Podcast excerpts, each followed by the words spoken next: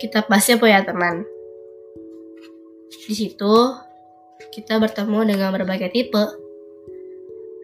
Ya, ada sih yang tipenya cocok atau sama dengan kita, atau bahkan ada yang bikin kita jadi benci, atau bahkan ada yang awalnya kita suka dan nyaman sama dia karena deket, tapi setelah deket lagi dan dia jadi deket sama orang lain, lalu secepatnya berubah, kemudian kita jadi nggak suka sama dia atau benci sama dia.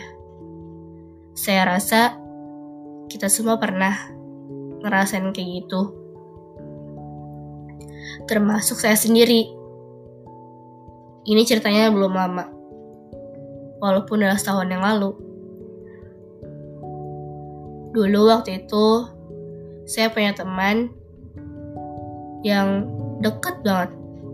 Sampai kalau ke mana-mana, pasti selalu bareng. Contohnya kayak gitu. Tapi selama dia sama saya, saya selalu ngerasa kalau dia nggak pernah bahagia. Ini saya ngerasain. Gak tahu kalau dia gimana. Saya selalu berusaha buat bahagiin dia sebisa saya dan semampu saya. Kita dekat sampai di akhir tahun 2019. Selama perjalanan, ya memang baik masalah yang selalu datang, lalu masalah itu jadi buat kita saling jauh. Tapi setelah itu, kita akhirnya bisa saling mengikhlaskan kalau ada teman kita yang lagi deket sama orang lain. Dan waktu itu juga saya sering cerita ke, ke berbagai teman saya yang lain, termasuk juga teman dekat saya. Ada yang beda kelas, ada yang sekelas sama saya.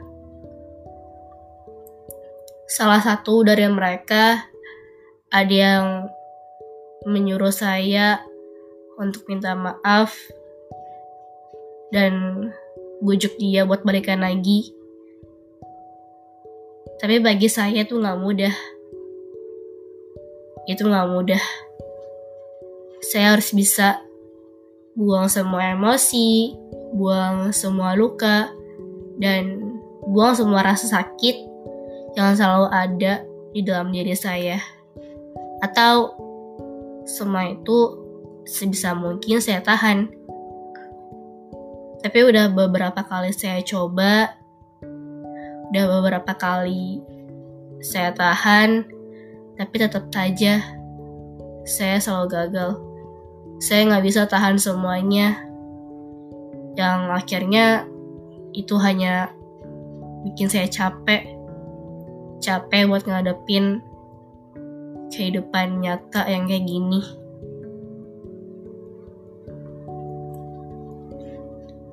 Tapi nggak lama dari situ kita deket lagi.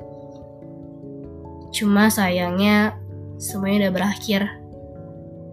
Berakhir di tahun 2019. Tahun 2020 dia udah nggak di dalam cerita saya lagi dia udah ada di cerita orang lain.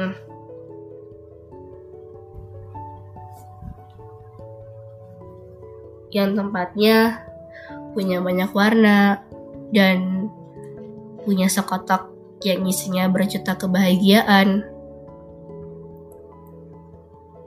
Dia mendapatkan apa yang dia inginkan.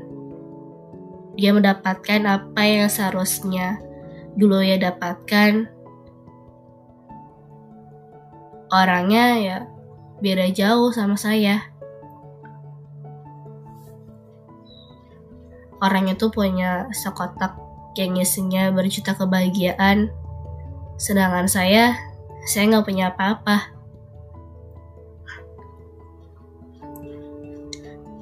Dari cerita itu ya,